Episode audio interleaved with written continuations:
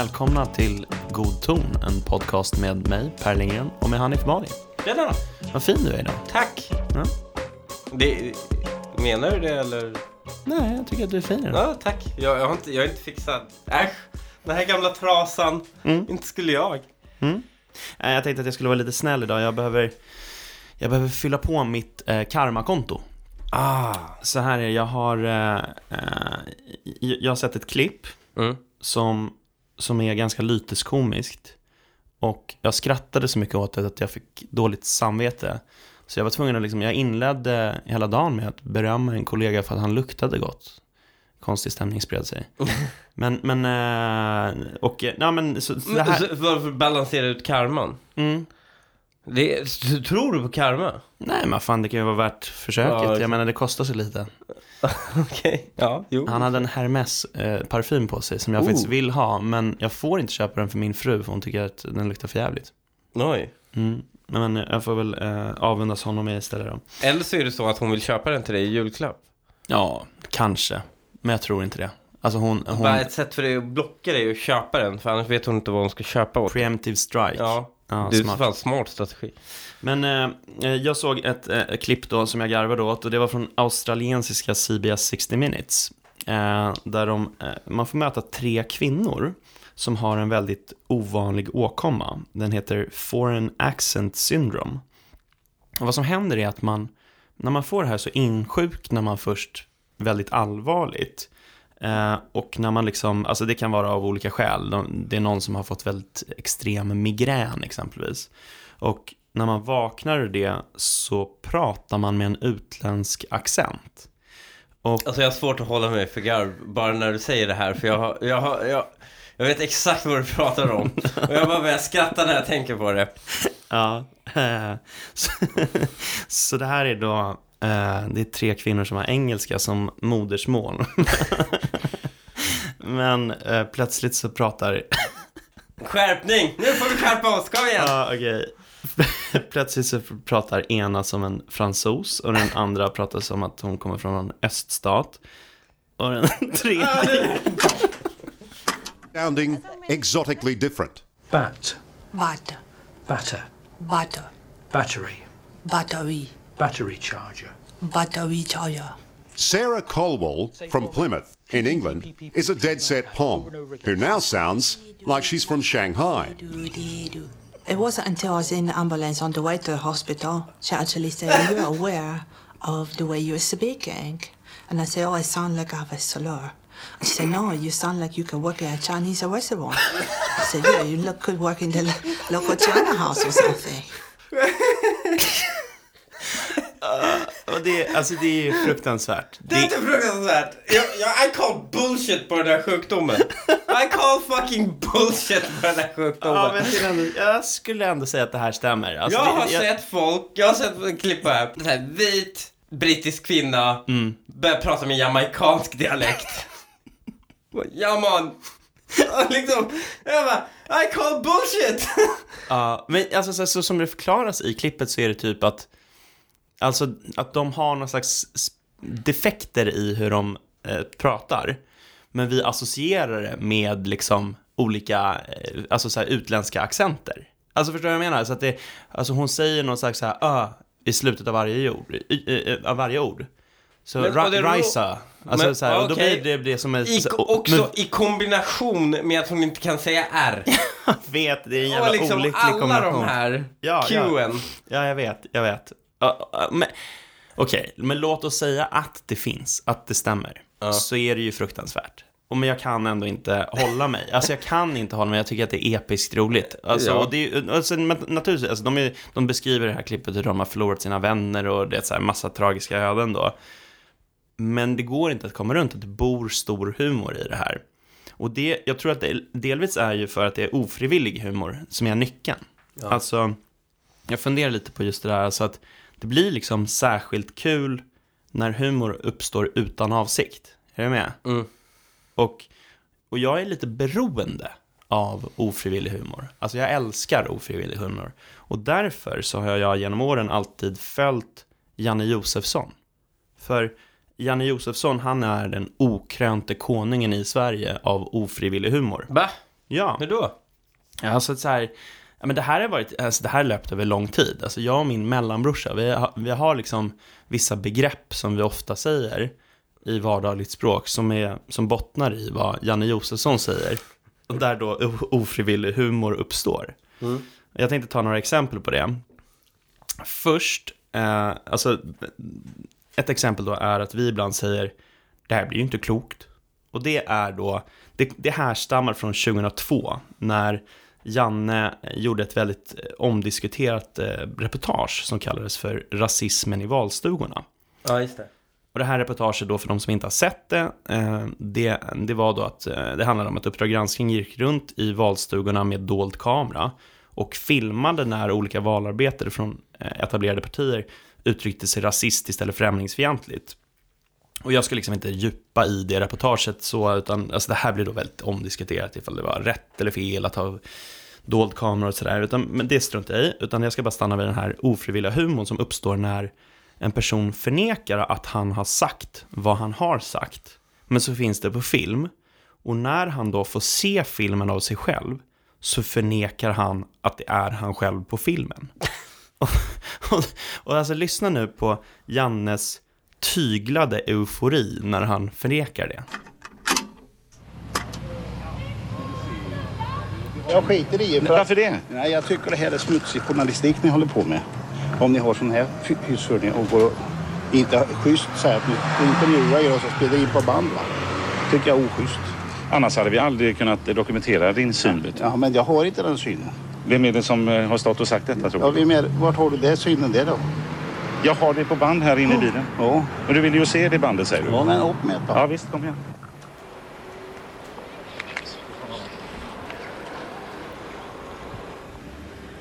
Så släpper man in mer sådana, vet du, då är det problem i samhället. Nej, inte jag. Är det inte du? Nej. Men du tittar på, det är ju du, det är ju du på bilden där. Är det inte du? Nej. Det där blir ju inte klokt. Ja, Vem är det då? jag vet inte. Skojar du med mig nu? Hej. Hej! Alltså, han garvar ju själv ju. Han kan inte hålla sig för garv ju. Man ser ju det på Han garvar. Nej, det är inte jag. Det är kört, whatever. Fattar hur nöjd Janne är när han liksom så här, är det inte du? Alltså, Okej, jag har honom liksom. Ja. Nästa eh, eh, ofrivillig humor med Janne Josefsson-klipp, det är, vad, vad, alltså för jag och brorsan då, vi säger ofta, då skiter vi i det. Och det kommer då från det här klippet som är från, det, alltså så här, i slutet av 90-talet så hade Janne ett, ett program som hette Fittja Paradiso. Ja, jag kommer ihåg det. och det här, det här var också så här väldigt omdiskuterat på den tiden. Man tyckte att han var ute och svartmålade Fittja för att han liksom pratade om att det var rån och folk hamnade i svarta sopsäckar och allt vad det var liksom. Va? Ja, Lögnare.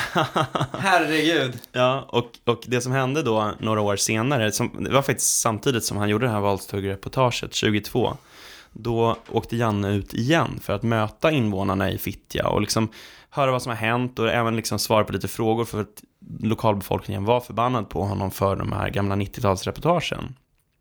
Och eh, han ville då vara lite tjenis kan man väl säga med en av fritidsledarna. Så han möter en av fritidsledarna och säger så här den gangstern känner jag igen. och det flyger inte överhuvudtaget, för de är inte på samma våglängd. Och då lackar Janne och vill gå därifrån. Tjena Janne! Den gangster känner jag igen. Tack ska du ha, det var snällt sagt. Har du sett mig göra någonting eller? Ja, när du kom in här så sa du att eh, gangster va? Du menar- du du tror att- känner inte mig på det sättet? Nej, men vadå? Du tror att jag menar att du är en gangster? Nej, men det, så kan man inte säga. Du, känner, du är inte kompis med mig eller på något sätt. Nej, men gör du inte det så eh, tycker jag då är det meningslöst. Då. Nej, men om du inte är intresserad så tycker jag det... Jo, men det, det, det är... Då skiter vi det. Jag behöver inte vara med i... Jag, vill inte, jag tycker att jag har blivit illa bemött nu, för jag skojar och det visste du. Nej, och du bara, här kommer du till mig och säger den gangstern känner jag igen. Du kan, jag, är, jag är en respekterad person i det här området. Du kan inte säga vad du vill till mig. tack så du ha. Tack så du ha för kaffet. Då drar vi.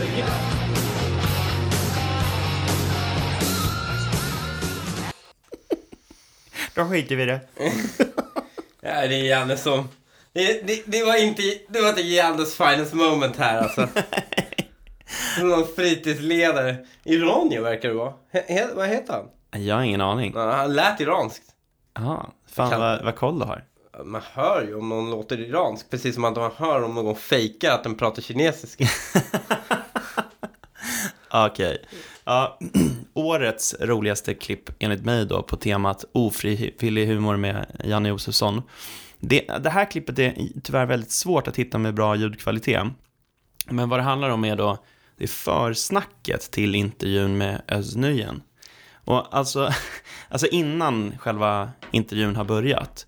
Här tror jag att Janne försöker sätta Özz i lite obalans. Det är lite som vet, psykningarna innan en invägning på, till en bo, ett boxningsmatch. Liksom. Ja. All right, vi lyssnar. Du sminkar dig för detta också? Va? Du sminkar dig för detta också då? Nej, jag har inte sminkat. Jag tog bort lite finnar bara. Det är inte så att jag har använt någon smink. Så, nej. Mm. Har du sminkat dig? Nej. Nej, kanske borde. Ja. Du tycker det? Nej, jag vet inte. Får se sen på Hur känns det då? Känns det... Eh, Det känns bra. Hur ska det kännas annars? Nej, jag vet inte. Det... Nej. Men eh, jag vet inte. Är vi klara? Ja, ja jag är klar. Ja. Okej då.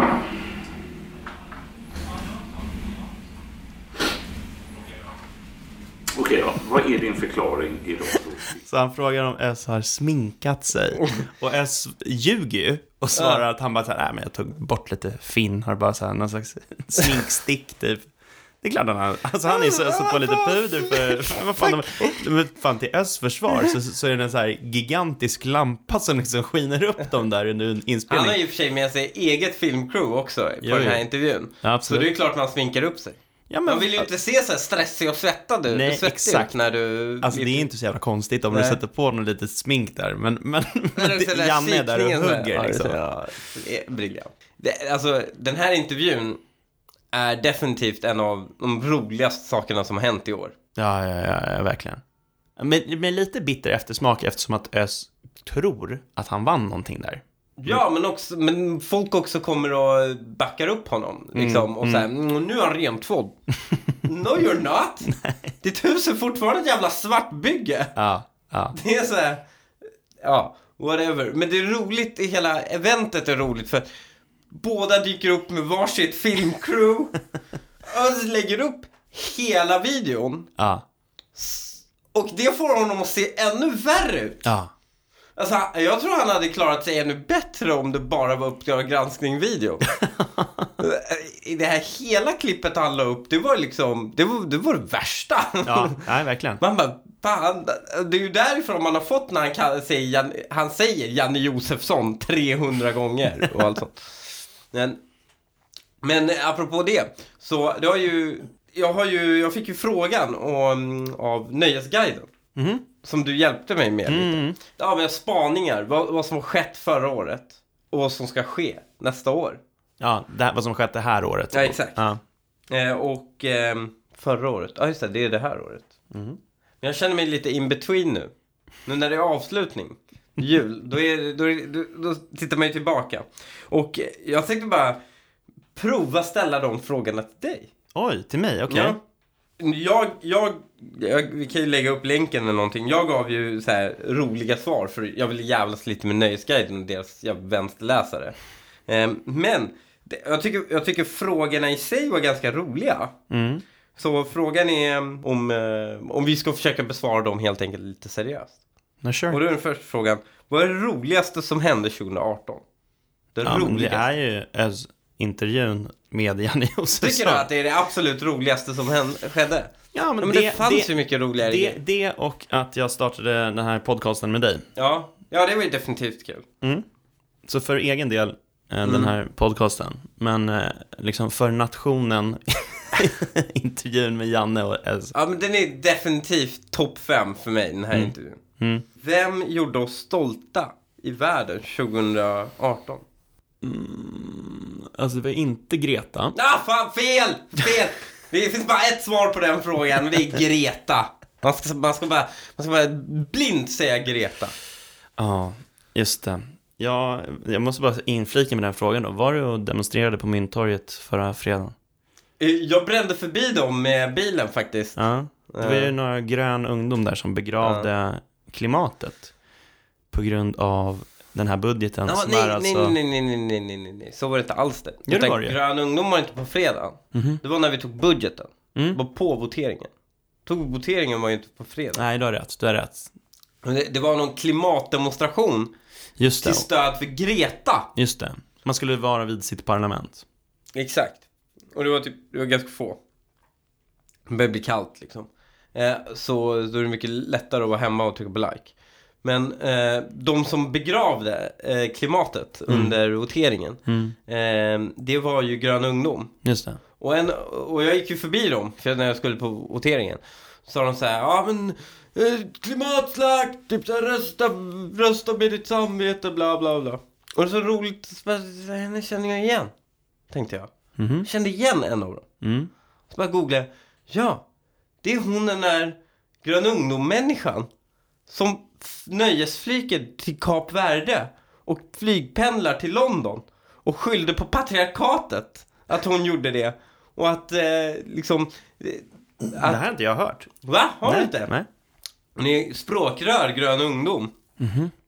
Som, ehm, som, eh, och hennes pojkvän bor i London. Mm.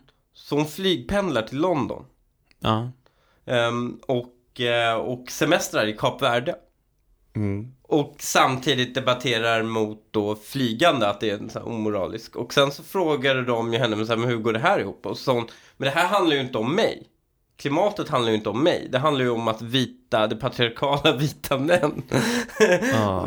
har byggt ett system som, där, de, där de suger ut vår, vår planet. Men det, ja, Så jag det vet inte, jag är med vita män som tvingar henne att ha...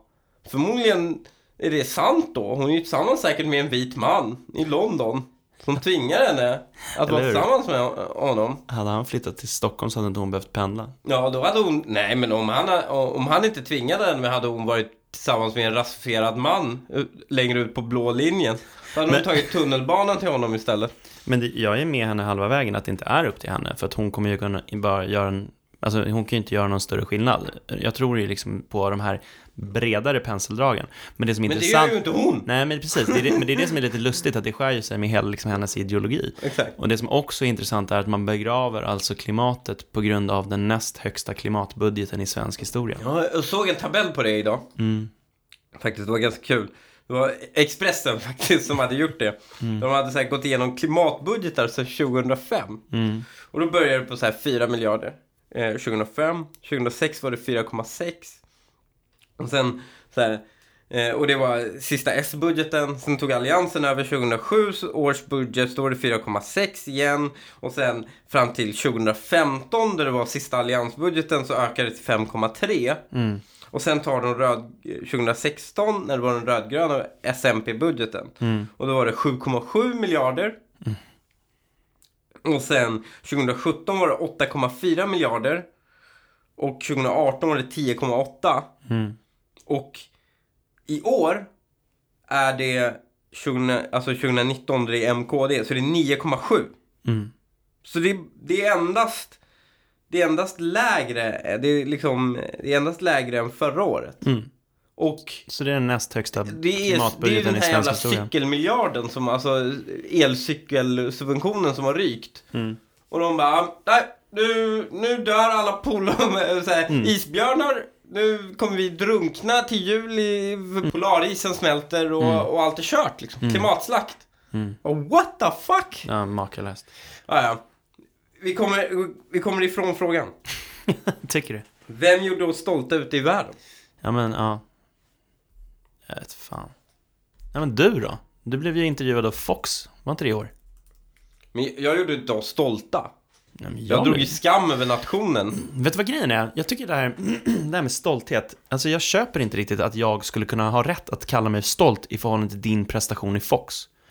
På sin höjd imponerad. Ja, Alltså jag fattar inte folk som springer runt och är stolta över andra människors bedrifter. ja. Alltså du har ju ingen del i det. Alltså om jag skulle ha skrivit manus till vad du sa, fine, då kan jag känna mig stolt. Men jag kan inte vara stolt för vad du har gjort. Och i linje med det så är inte jag stolt över en jävel som har varit ute i världen, eller vad det nu var frågan. Men man tänker sig någonting så här nationen Sverige Mm. åstadkommer. Kan man vara stolt över det då? Alltså, Typ- jag, typ jag, kan, ju- jag kan ju skamset... Spotify, kan man vara jag stolt Ja, men grejen är så här, jag, jag känner sk- skamsen stolthet i vissa fall. Typ när det blir en fotbollsbedrift eller sådär. Mm. Men jag tycker inte att jag har rätt att känna den stoltheten så länge inte jag har varit på planen. Ja, okej. Ja, men det låter rimligt. Man ska inte ta åt sig andra- andras cred liksom. Nej, exakt. Ja, men det låter rimligt. Vi ska inte vara stolt. Ingen gjorde oss stolt ute i världen. Inte In- en jävel. Inte en jävel. Ehm, men alltså, jag gillar hur alla tänker ganska nationalistiskt. En person som gjorde mig stolt ute i världen, Mm. det var Elon Musk. Mm. För Mm. så här mänskligheten. Mm, När jag såg de här raketlandningarna. Mm. Och att han rök, rökte gräs hos... alltså det är en jävla pundare som tar oss till Mars. Det är helt episkt.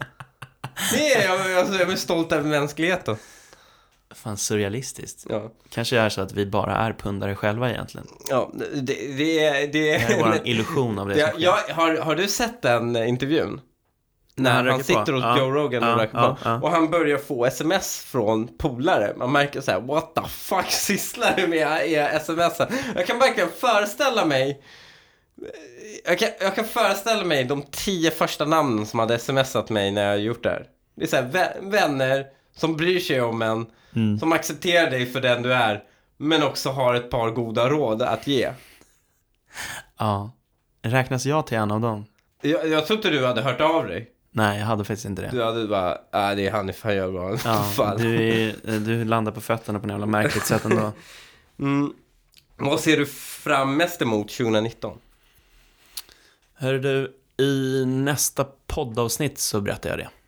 Oj. Det är alltså när 2019 redan har börjat? Mm. Okej, spännande. Vad slutar vi med 2019? Men kanske skulle vi kunna sluta med att, eh, att sjunka ner i ett antiintellektuell, symp- så här, identitetspolitiskt eh, förhållningssätt kring saker och ting. Alltså exempelvis då, alltså så här, jag vill bara vara tydlig runt denna Greta som jag återkommer till. Att eh, jag kan imponeras över att hon gör mycket saker bra. Alltså hon är en god talare och hon är jävligt ball att hon är så ung och gör sådana saker på den nivån som hon gör. Med det sagt så tillför hon noll. Alltså det är ju verkligen så. Hon säger ingenting som är nytt, utan hon säger det manus som hon har fått i handen från det här PR-gänget bakom henne. Liksom. Och jaha, så varför är hon där? Jo, hon är ju där i egenskap av ung flicka. Alltså, hon är en, eller tjej då, hon är en tjej. Det är därför hon talar, inte för vad hon säger.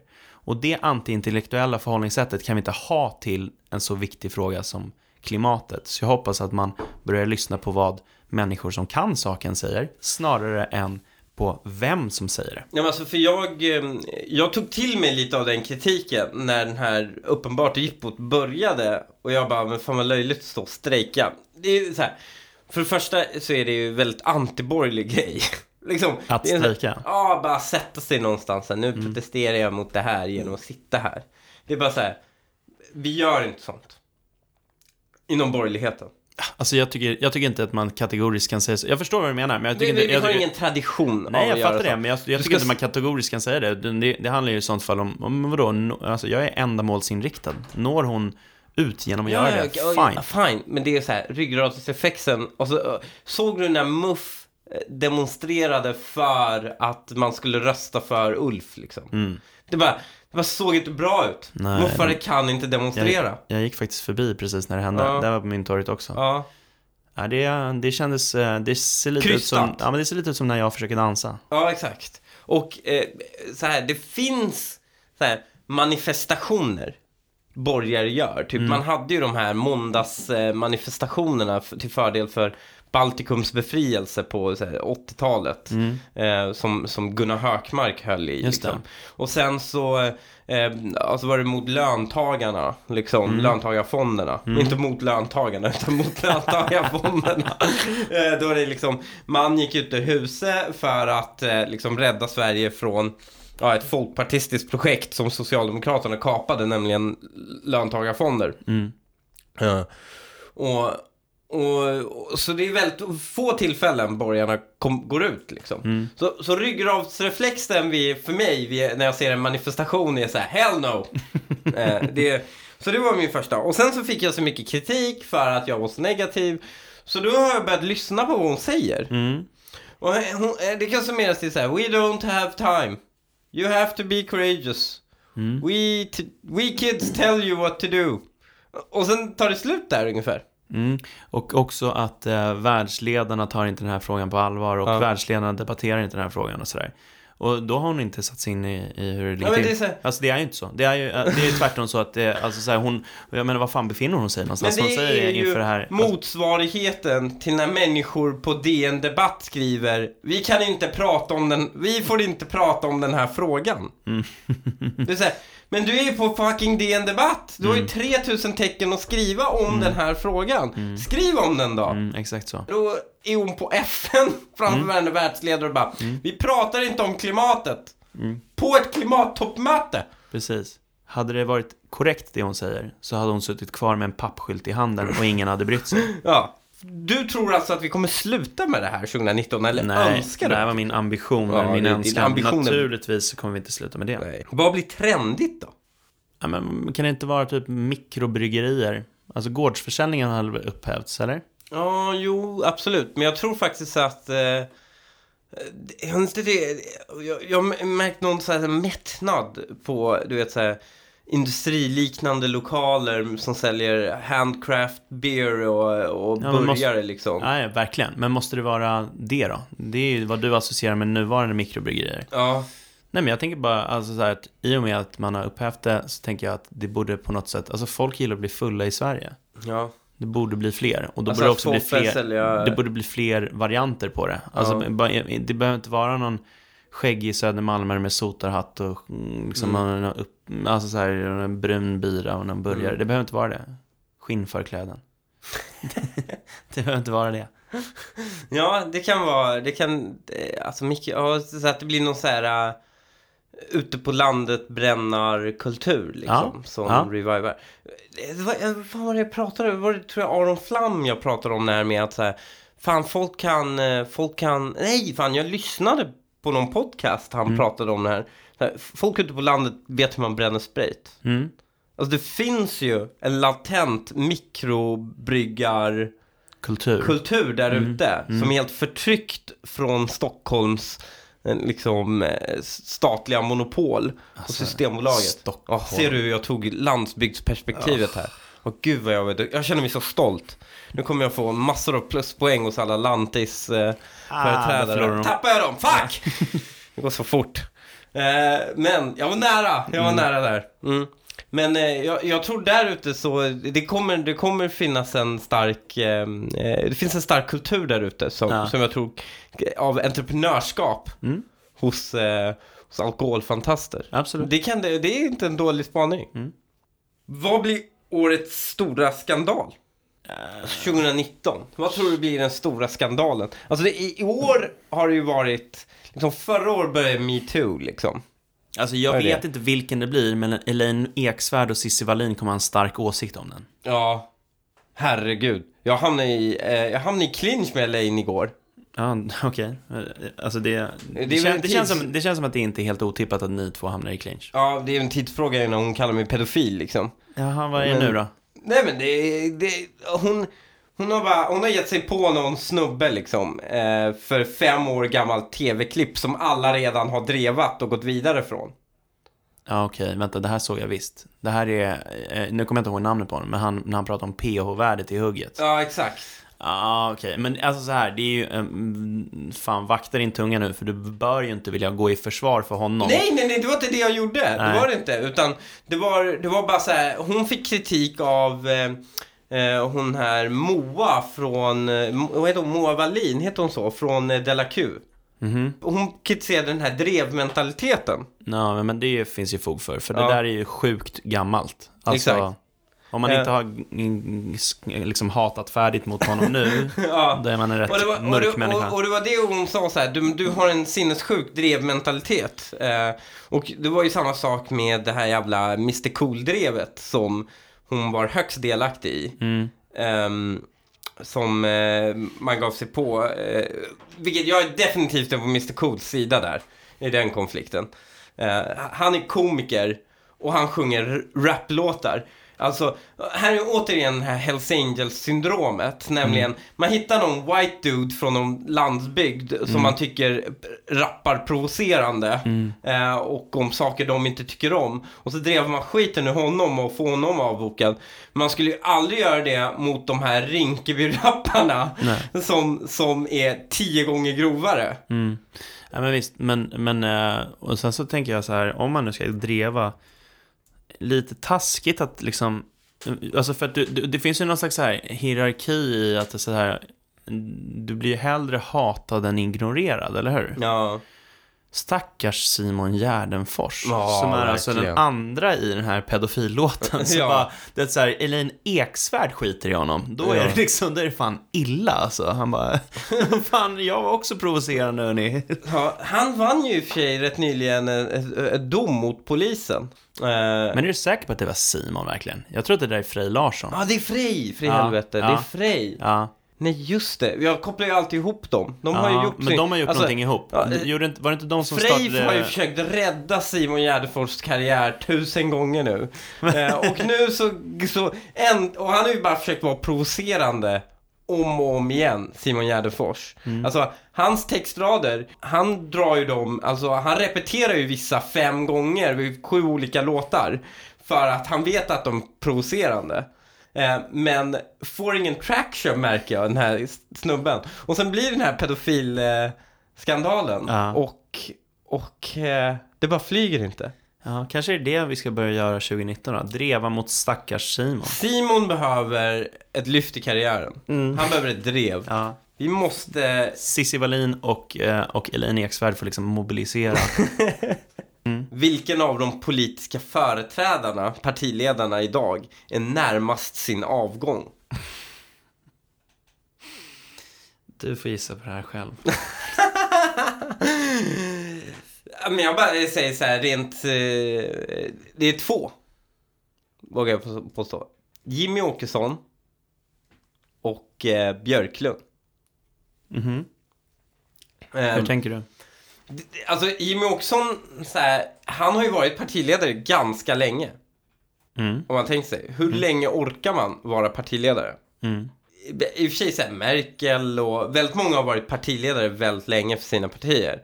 Men det är också, det är ju en helt annan grej att vara partiledare för Sverigedemokraterna. Ja, men så är det. Det måste vara en av de mest utsatta positionerna i Sverige. Ja. Eh, och inte bara utsattheten utan också inåt har du ju massa galningar. Utåt är, är alla mot dig. Liksom, jag tror det är en extremt pressad situation. Han har tidigare varit så här, utmattningssjukskriven och så vidare. Eh, det kan inte vara det lättaste jobbet, säger jag bara. Nej, så är Eh, det. och eh, jag tror inte man orkar det hur länge som helst. Nej. Jonas Millard skyndade på det. Ja, herregud. vilket Jävla pucko alltså.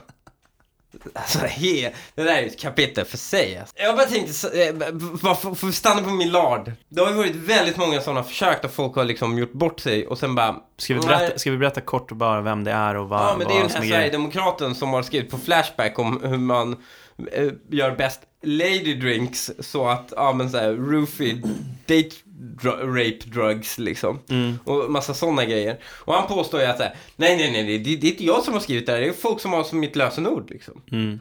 Ehm, ett lösenord han då använder på andra konton som jobbmailen och Netflix och lite andra saker. Men eh, sen, sen den här storyn är lite sjuk för så här, how the fuck har DN fått, fått reda på det?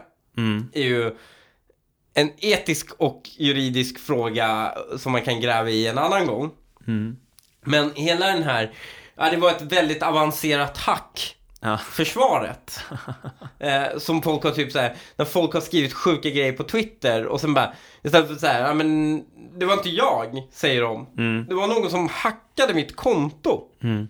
På ett väldigt avancerat sätt liksom. Mm. Det, bara, det, det bara går inte ihop. Ja, men det måste väl i och för sig gå. Men jag tänker bara så här, riktar Nej, man in vem, sig... vem, vem tror att man köper det? Nej, exakt. Alltså så här, okej, men nu ska vi fan få dem att falla. Vi börjar i änden KU och Millard. Bara, va? Vad fan, alltså så här, alltså det hade varit så många andra på så många andra positioner Ja. som hade rykt. Och, Om man ska göra ett sånt avancerat hack. ja. Ja, hur som helst så, eh, eh, ja, skit i Millard nu. Åkesson alltså, Mm. tror jag är närmast. Och eh, Björklund. Mm. För Björk, det, Björklund har ju delvis, ett, han har varit partiledare längst av alla inom borgerligheten. Mm. Ehm, Nej, men det är interna slitningar i partiet. Ja. interna sli- alltså det, är- det, det är ganska sjukt när man pratar med eh, liberaler i korridorerna här. Mm. Man får ju intrycket ibland av två helt olika partier. Alltså. Mm. Alltså, du pratar med en, liksom, folkpartist som ska upp i debatten, så synkar du typ så här, ja men vi, vi tänkte prata om det här och det här och det här. Man bara, fuck yeah, det är så här, höger. Och sen så träffar en annan folkpartist så här, i samma debatt som går upp och bashar oss liksom. Mm. Och det är bara total osynk mellan de här två falangerna i partiet. Mm. Här, och det är, väldigt, det är väldigt ovanligt inom partier att ha slitningar på ideologisk och sakpolitisk grund. Oftast brukar ju slit, slitningar i ett parti vara personliga, alltså personorienterade eller så här, jag hejar på den här snubben och du hejar på den här snubben. Men nu är det verkligen så här, två helt olika verklighetsuppfattningar. Mm. Eh, Det i i kombination, alltså det måste ju för Björklund vara ganska tufft. Mm. Eh, och också opinionsundersökningarna lär ju inte vara så himla ehm, lovande för honom. Och sen om vi åker på ett extraval och eh, Liberalerna gör ett dåligt resultat där. Ja, då kommer ju inte han vara långvarig.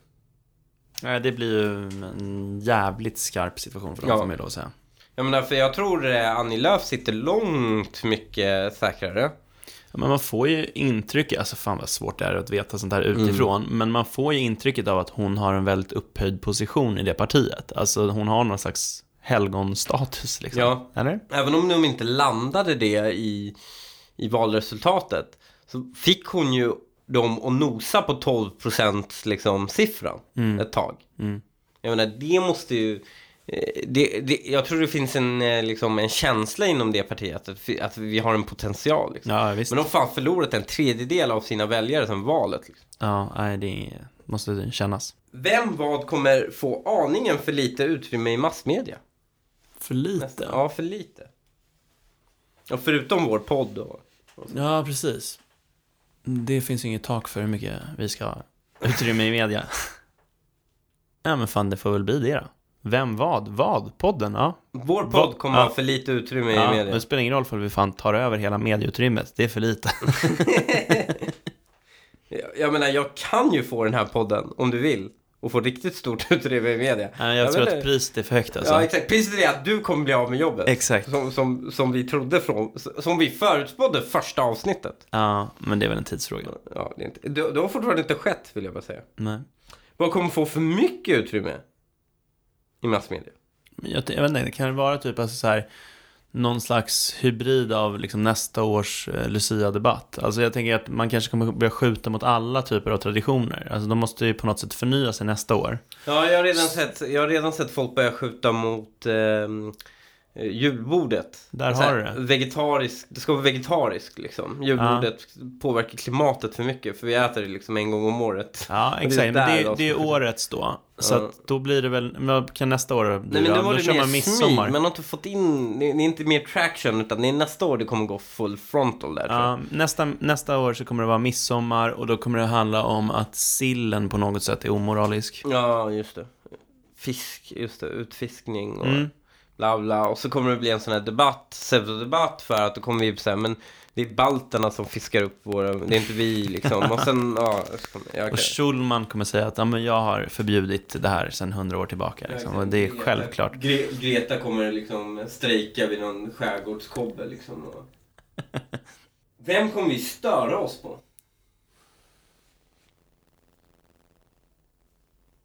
Alltså jag har fan ingen aning. Men vadå, man, man, man ska väl liksom eh, ta, vad ska man säga, lågt hängande frukt. Eller det mest sannolika är väl det man ska gå på. Med tanke på att hela landet redan stör sig på dig. Så tänker jag, varför skulle det förändras i någon del? Det, det är sant. Jag har också, jag, när jag fick frågan från Nöjesguiden så svarade jag att folk kommer störa sig på mig. Ja, ja. Ja, men det låter väl som det mest rimliga. Ja. Men jag tror popularisering. Mhm. Så det kommer ju bli så att vi kommer behöva störa oss på någon annan. Mm. På den andra sidan. Mm, just det. Det behövs någon slags balans. Be, be, exakt. Be, om, det, om det ska finnas eh, liksom antikrist måste ju Krist finnas helt enkelt. Mm. Och vem är Krist då? Vem är Jesus Kristus på andra sidan? Och det vet vi ju redan. För Svenska kyrkan har ju redan utnämnt henne. Och det är ju Greta. Det är Greta. Ja. Så jag tror eh, alla vi satanister på fel sida historien. Ja. Vi kommer störa oss på Greta. Ah, stackars Greta. Och sen så, eh, som sista fråga. Mhm.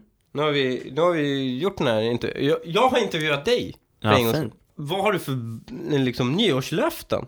Ja, men okej, så här då. Under förutsättning att du är med på tåget, Ja. tredubbla antalet lyssnare till podden. Tredubbla. Ja. Mm, det är imponerande. Ja. Men jag tror, Det är att det är möj- jag tror att det är möjligt. Om vi tredubblar antalet lyssnare på podden så kommer vi ha en av de största poddarna i Sverige. En av dem. Ja. Men det grejer vi. Ish. Ja, ja. Ehm, jag, jag har ju i år liksom eh, nått peak physical fitness. Mm. Jag gym, gymmar fyra gånger i veckan nu. Mm. Jag har slutat snusa. Mm. Jag har... Eh, ja, men jag, är liksom, jag har tagit de här klassiska nyårslöftena har jag redan gjort. Utan, utan Så nästa år ska du bara feta till dig, börja snusa, käka onyttigt. Exakt, frågan är vad man ska göra eh, eh, nästa år. Men jag har faktiskt lovat mig själv att jag ska börja skriva igen. Mhm. Jag ska börja skriva längre texter, så här debattartiklar. Mm. Eh, jag har märkt ehm, eh, en liten... Jag har märkt att tidigare var jag ute efter att vill liksom bredda rörelsen. Så jag har fokuserat väldigt mycket inåt. Eh, nämligen att prata till folk som redan följer mig i stor Mm. utsträckning. Mm. Eh, och då fokuserat mina längre texter typ på Facebook och, och så. Jag ska försöka komma ut lite mer. Eh, så det kommer bli lite mer eh, längre texter för offentligheten. Spännande. Ja, det blir mitt nyårslöfte. Brukade du eh, inviga eh, nyklippta i högstadiet? Ja, med den här... Jag, jag fick lära mig att man ska göra så Mm. i högstadiet tror jag det var. Hur går det till då? Eh, Man, man, man slår den i nacken. Mm, exakt. Med handflatan liksom. Ja. En örfil i nacken liksom. Ja, precis. Det här gjorde jag och mina polare också. Eh, och vi brukade även slå nerv väldigt mycket. Gjorde ni det? Slå nerv? Ja, alltså man, man kan slå på typ axeln, eller så här ovanför knät, eller på sidan av låret. Och så kan man liksom träffa, om du träffar rätt då, så kan det gå som en stöt genom Ja. kroppen. Nej, vi slog väldigt mycket på axeln och benet Mm. Och, och lårkakor och sånt. Inte för att träffa någon nerv, utan bara, bara för att åsamka smärta hos våra vänner. Det här, men det här med att slå nerv, det blev liksom en hel vetenskap för oss. Vi, Mhm. vi hade det till slut som en slags valuta, så man kunde betta om saker. Och den som förlorade då fick liksom stå ut med att ja, men de andra fick slå en nerv eller sådär. Liksom. Mm. Och min polare Andreas, han blev så sönderslagen att det påverkade liksom hans hockeyträning. Så hans tränare lät hälsa till oss att vi skulle ge fan i att slå honom och sådär.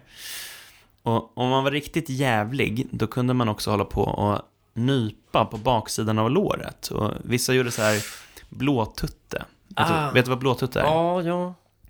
Och det är alltså när man nyper tag i bröstvårtan och vrider om. Och, men det tyckte jag var, de där grejerna tyckte jag var lite över gränsen. Så liksom jag såg ju till att skapa som ett slags terrorbalans genom att jag svarade med att man slår mot kuken då. Alltså så här, om du kör blåtutte, då blir det kuksmäll tillbaka och då avstår man ju från att köra blåtutte i första läget. Så det blir liksom så här, bra. Nuclear option. Exakt så. Men det här var ju då typiskt sånt där grabbbeteende. Mm. Eh, egentligen, alltså ganska harmlöst. Men man kan ju konstatera att det var liksom, ja men vi höll på att spöa på varandra. Och man kan också konstatera att det var typiskt grabbigt, det var inga tjejer som höll på så här. Under samma period så var det många som höll på att pissa på varandra i duschen. Va? Ja. Vad i helvete sysslar ni med? Nej, inte jag och inte heller mina närmaste polare, men vi kände folk i, i andra skolor och andra fotbollslag och sådär som höll på med det. Eh, och det där spårade ju ur ganska så rejält. Det var, det var några grabbar som spelade innebandy som roade sig med att pissa i motståndarlagets flaskor. Och det där resulterade i, eller fick följden att motståndarlagets tränare eh, kom in i deras omklädningsrum och tömde långsamt en flaska full av piss på en snubbe som jag vet vem det är. Och han, han, jag har fått återberättat hur han stod liksom och så här blåste ut luft med du vet, så här, underläppen ute så här, så här, för att inte få någonting i munnen. Och då liksom, det gick ju helt överstyr. Och en annan sån helt överstyr situation, det var när åttiorna eh, i Rotebroskolan, som kallade sig för 9A Kings, de, de, eh, de pissade i en soptunna. Och så ställde de den soptunnan högst upp på en trave av stolar utanför ett klassrum. Och så knackade de på. Och när dörren då öppnas av en lärare så får den läraren hela hinken över sig. Och han reagerar då genom att ta en, en tjej som sitter längst fram i klassrummet och skriker till henne så här, lukta! Och hon, hon svarade bara, eh, det luktar piss. Och så stormar han till rektorn och efter det så fick alla killar i nian, oavsett om de gick i 9A eller de andra klasserna, alla killar, oavsett om de var med i det här eller inte, fick personligen stå och be honom om ursäkt. Och de var ju då liksom misstänkta på grund av att de var grabbar. Alltså man, man liksom, alltså så här, jag, jag kan säga så här, jag har viss förståelse för det, för även om jag inte är för kollektiv bestraffning, så kan man ju haja att så här, det var grabbar som gjorde det här. Det var inte tjejer. Ja. Det är ju givet så. Och de, de två senare situationerna jag tog, exempel, tog upp nu, det, det är ju då exempel på när sånt här grabbbeteende har gått helt överstyr. Ja. Men det är ju inte så att allt grabbbeteende går överstyr. Nej. Alltså, det första jag pratade om, när man slår lite nerv och sådär, det är ganska harmlöst beteende. Eh, men jag tror ändå att grabbar i den där åldern behöver gränser. Alltså, för det är ju lite det det handlar om, att man utmanar gränserna hela tiden. Ja. Ja, det, det, det får mig att tänka lite på. Jag och några polare hade vattenkrig på Sollentunavallen, en idrottsanläggning i Sollentuna. Eh, när vi var där på någon slags, eh, ja du vet, friluftsdag-ish liksom. Och det här utvecklades då till någon slags bett eller dare liksom om ifall jag vågade skvätta vatten på Ludmilla Engqvist som var där och tränade. Och jag vann det bettet. Eh, priset blev att läraren ringde hem till mig och föreslog att jag skulle börja hoppa fallskärm för att få utlopp för mitt sug på adrenalin. Eh, och alltså så här, jag visste ju exakt Var det vad det här var. Ludmilla Engqvist före eller efter dopingskandalen? Nej, innan. Innan? Så jag var, det Ja. finns ingen försvar. Ja, okej. Alltså jag visste ju precis vad det var jag gjorde och jag pushade ju gränsen. Eh, Och jag gick ju över den gränsen. Men gränsen var ju egentligen passerad innan dess. Alltså snorungar ska inte ha vattenkrig under lektionstid liksom. Ja. Och det är ju så här att man ska inte hålla på skojbråk i alla lägen. Eh, och då behövs det att lärare har pondus och sätter gränser. Jag menar inte att skylla på mina lärare i detta, utan jag fattar att det är sjukt svårt att sätta de där gränserna. Jag kan säga att jag, jag pratar faktiskt ur egen erfarenhet. Jag har varit lärarvikarie en del i, tidigare. Och det är helt, alltså tappar du en klass, det är helt omöjligt att få tillbaka dem liksom. Det är bland det svåraste man kan göra. Men med det sagt så är det fortfarande så att det är en nödvändighet att du har pondus och du sätter gränser. Eh, I Sveriges Radio finns det en programserie som heter 10 miljoner, där människor får berätta vad de tycker är viktigast för dem just nu. Och då intervjuade de Katarina Gustavsson från Gnesta om vad hon tyckte var viktigt. Och hon tyckte det var viktigt att skolorna kommer till rätta med machokulturen i skolan. Och de gick igenom lite olika saker då som sker i skolorna. Men alltså vad man kan prata om, att det är ju samma sak som jag beskriver då som grabbbeteende. Det är exakt samma grej alltså. Ja. De här eleverna, de, de berättar om att det finns olika skillnader mellan tjejer och killar. Att tjejer kan gråta men man ser inte, tjejer, eh, man ser inte killar gråta. Och tjejer säger vad fin du är till varandra. Men det hör man ju inte killar säga till varandra. Och det var därför jag ville bara testa hur du skulle reagera när jag kom hit idag. För det var därför jag testade att säga vad fin du är. Ja, tack. Ja. Eh, men... Så det var bara ett experiment? Ja, alltså, så du menar inte det? Nej, du är lika motbjudande som vanligt. Vänta, jag ska börja, börja gråta nu. Hålla tillbaka tårarna. Men eh, i det här programmet så är det en kille då som får berätta ett exempel på hur machokulturen eh, kommer till uttryck på hans skola. Det här är Arben Lursta. Han går på Västerskolan som är en annan högstadieskola i Uddevalla. Bland hans killkompisar får man passa sig lite extra om man kommer till skolan med nyklippt hår. Alltså kolla när man, alltså det blir som, det är som en tradition att när någon har klippt sig så slår man i nacken med handflatan. Då ska man inte slå hårt men vissa slår hårdare så, så det blir ganska rätt. Jag vet inte, det har bara blivit tradition och det är så det har varit. Ja, så han gör ju alltså samma sak som du gjorde, samma Ja. sak som jag gjorde och så vidare. Och de går igenom massor med olika skolor och alla beskriver samma sak. Och alltså jag har ju själv varit en del av det här. Eh, och jag tycker att det är, det är intressant det här temat med ordning och reda i plugget, alltså för det, det, det skjuter in i så många olika delar. Eh, när, men när jag funderar just på det här med grabbeteendet så gör jag det utifrån utgångspunkten att det i grunden är biologiskt betingat. Alltså, det har i alla högstadieklasser genom alla tider varit killarna som har skojbråkat mest och det är naturligtvis så att i sådana miljöer kan det växa fram kulturer också. Men det hela tar ju sin utgångspunkt i att det finns biologiska skillnader mellan killar och tjejer. Ja. Alltså likformigheten över tid, över nationer, över kulturer, allt det liksom pekar i en och samma riktning. Men det tror inte alla. Exempelvis inte Mia Heikkilä, som är jämställdhetsexpert och intervjuas i programmet.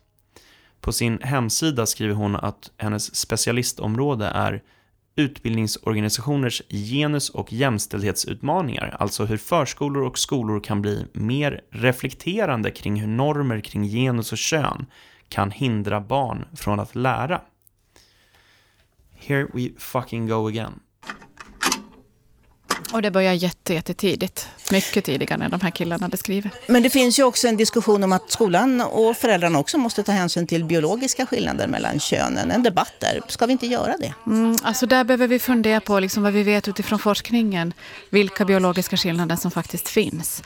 Och där tänker jag att reproduktionsförmågan är ju det som vi vet att det är liksom den största skillnaden. Men sen måste vi fundera på att det, det finns inga liksom övergripande studier som visar på att det är generella skillnader mellan flickor och pojkar. Det, finns, fli- det kommer alltid att finnas skillnader mellan enskilda flickor och enskilda pojkar. Enskilda flickor och enskilda flickor. Eh, Men att, eh, att de biologiska skillnaderna kan inte spela så stor roll i hur vi organiserar vår skola. Så tänker jag. Är hon dum i huvudet? Hanif Bali. Alltså, kan du, kan du rätta mig om jag har fel nu? Har, har jag misstolkat henne? Alltså, säger hon att den biologiska skillnaden som vi vet finns mellan pojkar och flickor är i fråga om reproduktionsförmåga, men i övrigt så är det alltså individuella skillnader. Ja. Och hon har då arbetat med jämställdhetsfrågor vid Skolverket, Uppsala universitet, Försvarshögskolan, Mälardalens högskola, Regeringskansliet, ITC ILO och haft uppdrag med bland andra Jämställdhetsutredningen, Skolkommissionen, Nordiska ministerrådet och Nationella sekretariatet för genusforskning. Jajamensan, de som bombhotades. Eh, Jag nu ska inte för en sekund tolka som att jag tycker att det var kul att de bombhotades eller någonting Mm. sånt där, men det, det bara knyter an i det ämnet. Jag föreslår att hon under julledigheten ska läsa Marcus Heilich bok Hon, han och hjärnan och även ta del av forskningen från Richard Lippa, Trond Diset, Simon Baron Cohen och många, många fler. Och kanske ska hon se en eller annan föreläsning av Jordan B. Peterson. Och så avslutningsvis så tycker jag att hon ska lyssna på god ton. Fram tills att hon har gjort det så rekommenderar jag att ingen lyssnar till vad hon har att säga om biologiska skillnader mellan pojkar och flickor. Jag har en massa mesliberaler som jag har följt för att ja, men på den tiden då konflikten i svensk politik gällde jobbskatteavdraget eller inte liksom. Mm. Så hamnar vi liksom på samma sida. Eh, och nu när, liksom, när vi pratar om genus och skit så, Mm. så många inom akademin också, då de är bara helt jävla fanatiska i att säga, de tror ju att det här är bara någon borgerlig konspirationsteori om att det finns ett tryck på konstruktivistisk, liksom postmodern, tredje vågens feminism i samhället. Mm. De tror att det är en, men så här, vi ser ingen sån våg. Det existerar Så bara, är du dum i huvudet? Och, och här hamnade jag i en diskussion och, där de sa att så här, nej men det här är jätte, vadå, det finns folk som tycker det här, ja men det är en jättefå, det är några inom akademin liksom. Mm. Och sen bara, nej men alltså det är, det är en båg som går igenom, det är en sån här marsch mellan institutioner. Nej, nej, nej, det där är ju konspirationsteori. Eh, och de bara förnekar det. Till exempel så när man debatterar så här, det finns biologiska skillnader mellan män och kvinnor i beteende och så vidare eh, i genomsnitt. Eh, och då de säger så här, ja men det är ingen som förnekar det. Det är ju bara, det där har ni hittat på själva. Eh, Det där har högern, det är en halmgubbe högern har hittat på för att de vill hata på genusforskningen. Mm. Det är ingen som förnekar det. Så bara, yes they do! Ja, precis. This, yes they fucking do! Ja. Och de sitter på maktpositioner. Ja, alltså hon, hon eh, det, det där var den frågan hon fick om biologisk skillnad. Det var den enda frågan på liksom ganska många minuters reportage som överhuvudtaget drog i den riktningen.